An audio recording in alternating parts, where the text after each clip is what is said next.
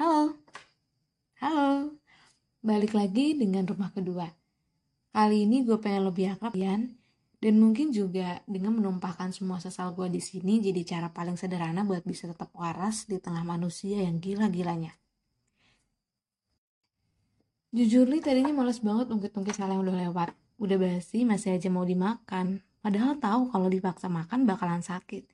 Tetap aja dilakuin. Ya itulah gue. Untuk semua pendengar podcast rumah kedua, gue mau bilang banyak terima kasih sudah mau jadi pendengar dan berteman dengan gue lewat karya-karya amatir ini. Di episode kali ini, gue bakalan jujur sama diri sendiri dan berharap kalau pesan yang disampaikan dapat kalian terima. Semoga bisa bermanfaat buat semuanya, terutama buat gue pribadi. Ternyata sesulit itu ya, ngejalanin hidup dengan dibarengi rasa trauma, trust isu, anxiety, dan hal lainnya yang bikin kita selalu ngerasa gak pantas untuk segala hal yang ada. Lukanya dibuat sama orang lain, tapi sialnya kita yang harus ngeracik sendiri resep buat bikin obatnya. Masa SMA jadi masa paling asik katanya, tapi tidak bagi gue yang merasa tidak mendapatkan suasana asik di dalamnya.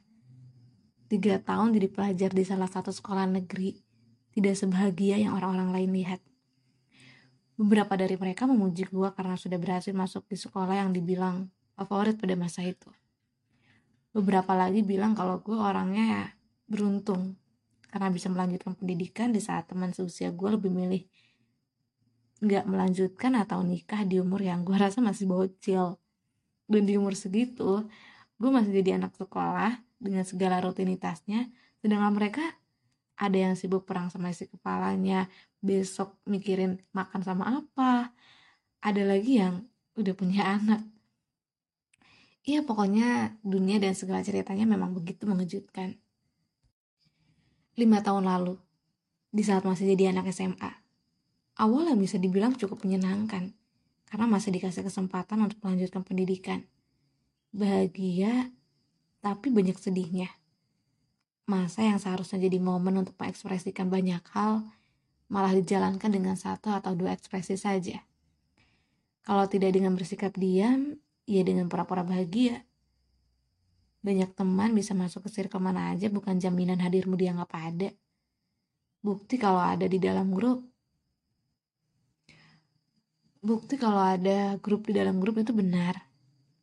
Sakit menjadi bagian yang tidak dianggap. Kenapa nggak sekalian bilang aja? Belum bisa. Jadi bahan candaan teman-teman juga bikin hal yang sakit loh. Awalnya gue kira cuma candaan selewat aja. Eh taunya sampai wisuda juga masih dibercandain. Selama itu loh gue jadi orang lain. Sampai gak sadar kalau ternyata itu ngebunuh karakter sendiri sendiri. Ngerasa paling disakitin tapi hasilnya ini sakit banget jadi dulu tuh gue pernah diseperin sama teman sekelas gue seperti gue bilang di awal mungkin cuma candaan selewat. Jadi gue gak terlalu ngerespon banget. Sempat ada rasa suka. Menurut gue wajar aja gitu ya hati orang mana tahu kan? Setiap kali ada gue dan dia selalu aja jadi sasaran empuk. Cie cie.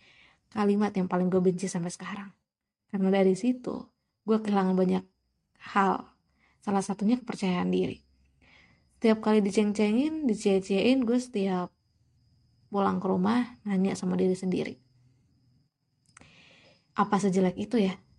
Segala pantas itu gue disukain balik. Apa ada yang salah? Melemparkan banyak tanya tapi gak ada satupun jawaban yang didapat. Masih ada kejadian yang bikin gue ngakak sih. Sebenarnya ini sedih, cuma gue gak mau sedih aja nangis di saat lagi kayak gini. Jadi gini ceritanya. Ceritanya tuh pas pulang sekolah, gue ada di area metropolitan. Posisi gue tuh di depan perpus dan mereka ada di depan masjid. Gue sengaja manggil salah satu teman gue pas gue panggil, bukannya nyaut, malah kabur bareng-bareng. Sebelum itu, emang udah ada rencana buat ngumpul bareng anak kelas sih.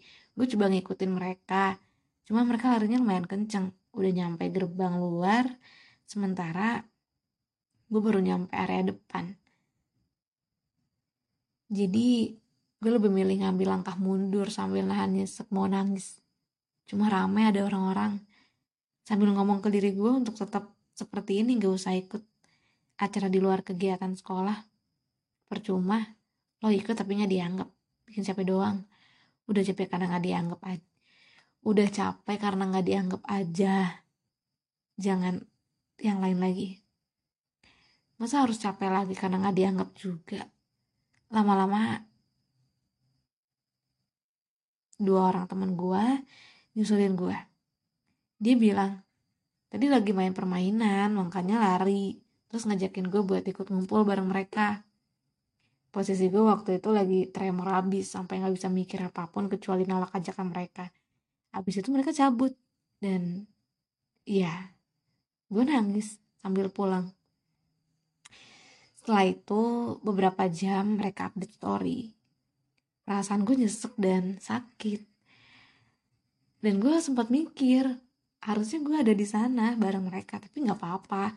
Lebih baik gak terlibat apa pun kalau cuma jadi penyakit. Bener gak sih? Bertahan di situasi dan kondisi yang sama selama tiga tahun buat gue jadi introvert banget. Takut menyuarakan pendapat karena sekalinya bersuara yang gue dengar cuma cie-cie diiringi tawa mereka. Gue jadi anak yang cari aman dengan pura-pura baik dan gak apa-apa jadi hobi gue kalau ditanya kenapa. Setelah wisuda gue ngerasa kalau hidup kok lebih banyak takutnya. Dan ternyata selama ini ada trauma yang gue nggak sadarin. Dan ini efek dari kejadian sebelumnya yang bikin gue ngerasa nggak bisa ngelakuin banyak hal. Takut ada di lingkungan baru belum siap untuk hal-hal yang bikin sakit. Misalnya respon mereka yang tidak sesuai dengan ekspektasi takut dianggap sebelah mata dikucilkan. Pokoknya jadi overthinking dan endingnya gue menarik diri dari lingkungan itu. Jujur sih, capek ngadepin diri sendiri yang banyak nyimpan luka. Lo tau gak sih, gak enak banget rasanya kalau lagi ikut kegiatan, otomatis lo akan bergantung sama orang yang lo kenal aja. Kesannya, buat orang-orang yang gak ngerti, yang gak ngerti lo, mungkin dia akan bilang, lo lebay, lo ketergantungan, Allah lo cari perhatian, Allah lo kayaknya suka deh sama dia. Atau mereka kira lo lagi deket sama orang itu padahal semua yang lo lakuin sekedar untuk memastikan bahwa lo aman aja.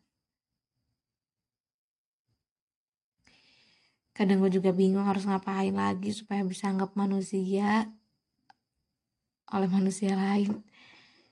Dunia terlalu jahat untuk gue yang gak punya apa-apa. Sampai segitu dulu ceritanya. See you di cerita selanjutnya. Bye bye